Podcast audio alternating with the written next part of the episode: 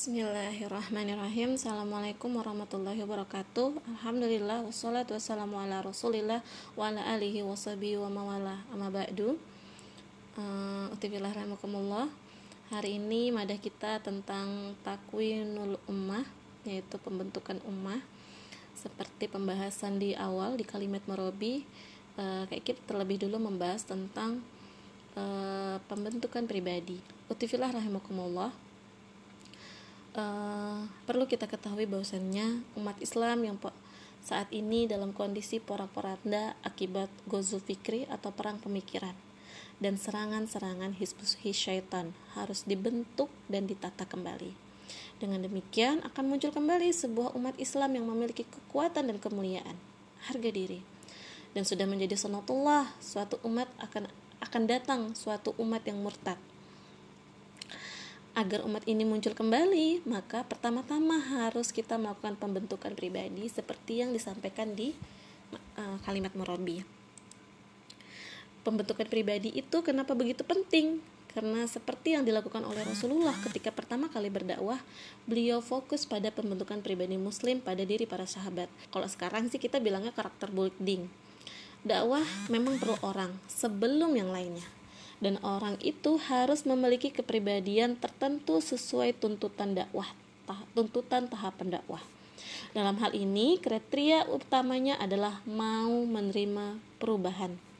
Qobliyu tagyir tagyir ya. Meski dari kalangan rakyat jelata ataupun orang hebat sekalipun itu tidak menjadi masalah. Yang penting dia mau melakukan pembentukan pribadi atau takwim syaksiah bagaimana sih seperti penjelasan dia ada tiga ya pembentukan uh, syaksiah Islamiyah. Itu seperti apa? Yang pertama adalah iman. Yang ditanamkan dalam pembentukan pribadi itu adalah iman. Ini adalah yang paling penting paling inti.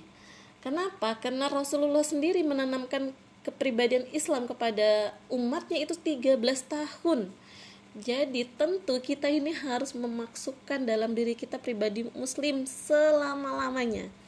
Keimanan itu adalah dasar segala sesuatu karena dia menjiwai semua amal Islamnya. Keimanan sebagai keimanan bagaimana yang diharapkan? Tentu adalah keimanan seperti keimanan sahabat atau generasi pertama Islam. Keimanan yang soleh dasarnya adalah kalimat syahadat. Yang kedua yaitu ketakwaan karena dengan takwa ini yang menentukan kualitas iman kita. Keimanan akan mencapai derajat takwa sehingga uh, muncul dalam diri kita itu adalah sebuah furqon di mana diri kita itu mampu membedakan hak dan yang batil. Tahu yang mana produk-produk bejat atau produk-produk jahiliyah, sekularisme, kapitalisme, sosialisme. Nah, takwa itu adalah bekal yang terbaik dalam diri seorang muslim dan takwa juga merupakan asas bangunan. Bagaimana sih sebenarnya takwa itu yang sebenar-benarnya takwa? Nah, menurut ulama Ibnu Mas'ud berkata, dengan taat kepada Allah dan tidak maksiat terhadapnya itu adalah takwa yang sebenar-benarnya. Selalu mengingat Allah dan tidak lupa kepada Allah. Selalu bersyukur kepada Allah dan tidak ingkar terhadap nikmat Allah. Tiga hal menurut Ibnu Mas'ud, apa sih benar makna dari takwa itu? Sedangkan menurut Anas bin Malik, Sebenar-benarnya takwa adalah seorang hamba masih belum dikatakan benar-benar bertakwa kepada Allah sebelum dia mengekang dan melihara lisannya. Menurut Ibnu Abbas, berjihadlah kalian di jalan Allah dengan sebenar-benarnya jihad demi membela agama Allah dan janganlah kalian enggan demi membela Allah hanya karena celaan orang-orang yang mencela. Tegakkanlah keadilan sekalipun terhadap diri kalian, orang-orang tua kalian serta anak-anak kalian sendiri. Dan yang terakhir untuk membentuk karakter seorang muslim, pribadi muslim adalah islamisasi hidup, yakni dengan menerapkan aturan Islam dalam segala segi kehidupan kita. Dari kita bangun tidur sampai kita tidur balik. Masuk Islamlah secara total. Jadi bukan seperti yang uh, tidak hanya orang yang dari orang non muslim menjadi muslim saja yang masuk secara Islam secara kita nih yang sudah menjadi seorang muslim itu juga harus menjadikan Islam itu adalah kehidupan kita. Kenapa kita harus mengislamkan hidup kita? Karena set, agar setiap ketika setiap saat ketika ajal itu tiba, kita mati dalam keadaan Islam. Maka ketahuilah utifilah, matu akan suatu keniscayaan. Ibnu Kasir berkata, barang siapa yang hidup dan menjalani suatu hal, maka ia mati dalam keadaan berpegang kepada hal itu. Dan barang siapa yang mati dalam keadaan berpegang kepada hal kepada suatu hal, maka kelak dia juga akan dibangkitkan dalam keadaan tersebut. Kami berlindung kepada Allah dari kebalikan hal tersebut. Jadi utifilah, jika kita hidup menjalani keislaman dengan secara menyeluruh, maka kita akan mati dalam keadaan muslim. Begitu juga dibangkitkan dalam keadaan Islam. Nah, dari asas-asas pribadi muslim adalah dari al-iman, takwa dan islami. Tul hayah harus menjadi pembentuk semangat kita dalam berjamaah.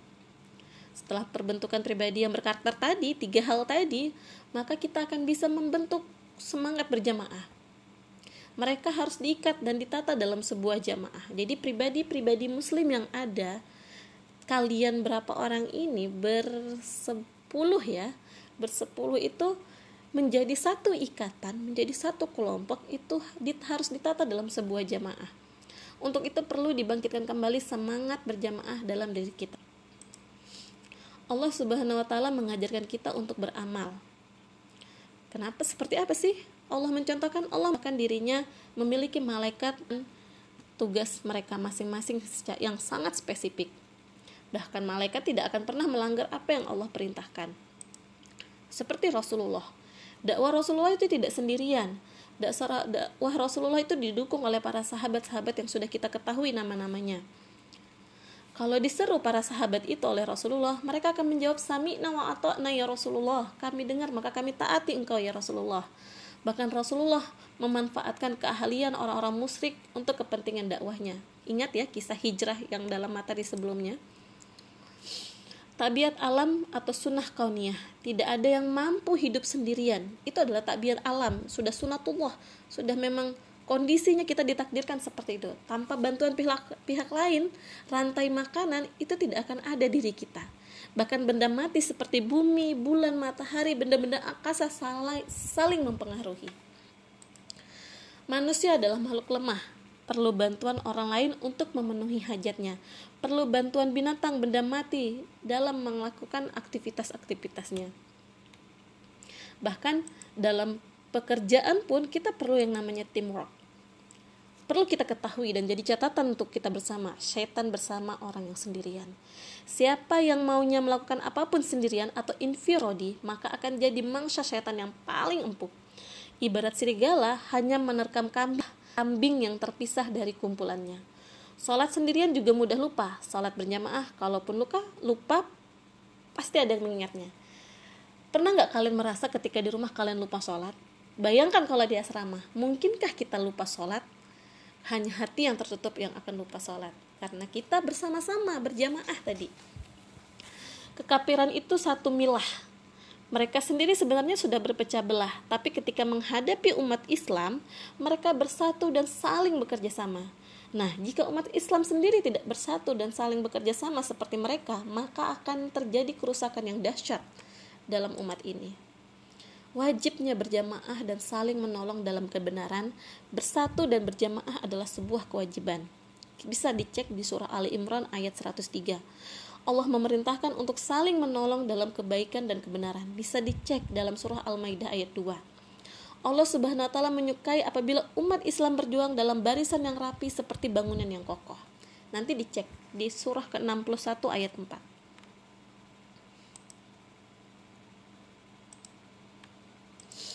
Maka yang harus kita pahami bagaimana sih kriteria dalam berjamaah itu ada empat. Yang pertama adalah berpegang teguh dengan tali Allah iktishom bil bihablillah al iktishom bihablillah unsur pertama dalam berjamaah adalah berpegang teguh kepada tali Allah tali Allah adalah Al-Quran. Hadis riwayat Muslim mengatakan, kitab Allah Azza wa Jalla adalah tali Allah. Barang siapa mengikutinya, maka ia berada dalam petunjuk. Dan barang siapa meninggalkannya, maka ia akan tersesat. Hmm, pada ayat sebelumnya ya, ayat 101 ditegaskan barang siapa berpegang teguh pada agama Allah maka sesungguhnya ia telah diberi petunjuk kepada jalan yang lurus berpegang teguh kepada agama Allah dan bertawakal kepada Allah merupakan sumber hidayah dan sekaligus sebagai penangkal dari kesesatan. Sebagai sarana untuk mendapat bimbingan beroleh jalan yang lurus dan mencapai cita-cita yang dinamakan. Kita selalu mengatakan ya setiap pidato mukadimah eh, yang Rasulullah itu mengantarkan kita dari dari eh, kegelapan menuju jalan terang benderang. Bagaimana Rasulullah melakukannya? Dari ini, dari tali Allah, yaitu jalan petunjuk yang Allah berikan melalui Al-Quran. Berpegang teguhlah anti kepada Al-Quran, maka anti akan menemukan jalan yang lurus. Memegang agama ini di masa kemunduran Islam seperti ini adalah sesuatu yang berat. Perlu kesungguhan dan perjuangan antuna. Godaannya itu banyak, media sosial itu banyak. Allah Subhanahu wa taala berpesan kepada Nabi Yahya alaihissalam agar memegang Taurat dengan kekuatan atau kesungguhan dengan kesungguhan dan ketekunan, dengan berilmu dengannya, menjaga dan beramal juga dengannya. Jadi perlu yang namanya sungguh-sungguh dalam sebuah perubahan. Jamaah yang berpegang, teguh kepada tali Allah adalah jamaah yang asas tujuan dan programnya sesuai dengan Al-Quran dan Sunnah. Dan langkah-langkah menuju kejayaan Islam adalah yang pertama perbaiki dulu pribadinya sebagai seorang muslim. Pembentukan keluarga muslim, membimbing masyarakat, Kemudian kita memerdekakan negeri-negeri yang masih terjajah. Yang kelima adalah memperbaiki pemerintahan, mengembalikan eksistensi negara umat Islam dan guru alam semesta. Karakter yang kedua dalam jamaah adalah tidak pecah belah. A'dumut tafariqah. Ini adalah tantangan yang sangat berat. Dari luar kita dironglong oleh hizbus syaitan, karena lebih menggoda yang sendirian. Berjamaah itu lebih susah. Dan dalam dari dalam kita berhadapan dengan jiwa kita sendiri sebagai manusia yang penuh hilap beserta kecenderungan kita masing-masing. Maka kita harus meminimalisasi faktor-faktor penyebab perpecahan. Berbantah-bantahan misalnya atau berdebat karena itu akan menghilangkan kekuatan dan menjauhkan kita dari kemenangan bersabar dalam menghadapi orang-orang yang menentang dakwah itu sudah menjadi kesadaran dan kewajaran dalam diri kita. Tapi bersabar dalam hidup bersama duat di jalan Allah barangkali terasa aneh ya. Begitulah Allah memerintahkan kita untuk bersabar bersama duat yang siang dan malam berdakwah. Kenapa? Karena duat juga manusia. Duat itu adalah para dai daiyah, ustadz ustazah. Duat juga manusia dengan beraneka ragam kekurangan dan kelebihannya jangan menuntut segala sesuatu itu serba sempurna kaikit juga pasti banyak hilapnya hadis riwayat Abu Daud Allah berkata, Aku menjamin rumah di sekitar surga bagi siapa yang meninggalkan debat kusir meskipun ia berada di pihak yang benar. Yang mesti dijaga dalam sebuah jamaah, yaitu yang selanjutnya ya, karakter selanjutnya, takliful kulub, ikatan hati. Tradisi yang baik daripada generasi salaf itu adalah mendoakan orang-orang yang beriman dan meminta jangan ada gil atau perasaan tidak enak kalau orang mendapatkan kebaikan. Sesungguhnya masalah ikatan hati ini adalah hak istimewa Allah, maka kita harus serius dalam memintanya. Seperti doa robitah ya. Ketika kita membacanya siang, pagi, dan sore, kalian tahu isi doa robitah itu? Berkumpul untuk mencurahkan mahabbah hanya kepada Allah bertemu untuk taat kepada Allah, bersatu dalam rangka merayu, menyeru di jalan Allah, berjanji setia untuk membalas syariat Allah. Apa saja sih permintaan dalam doa Rabitoh itu? Ada enam utifilah. Apa yang kita minta dalam doa Rabitoh itu ada enam hal. Yang pertama, ya Allah, kuatkanlah ikatan pertalian kami, ya Allah. Abadikanlah kasih sayang kami, ya Allah. Tunjukkanlah jalan dan penuhilah dengan cahayamu yang tidak pernah redup. Lapangkanlah, ya Allah, dada kami dengan limpahan iman dan keindahan tawakal kepadamu. Hidupkanlah kami dengan makrifahmu ya Allah. Dan ya Allah, matikanlah kami dalam keadaan syahid di jalanmu. Masya Allah, doa Rebita itu luar biasa kalau kalian terlalu menekuninya sesungguhnya ya Allah engkau sebaik-baiknya pelindung dan sebaik-baik penolong selanjutnya dalam berjamaah karakter selayang selanjutnya itu al ukhwatu islamiyah kita tua kita kita semua pasti tahu maksud dari al ukhwah islamiyah yaitu persaudaraan Islam. Ada tiga rukun ukhwah islamiyah.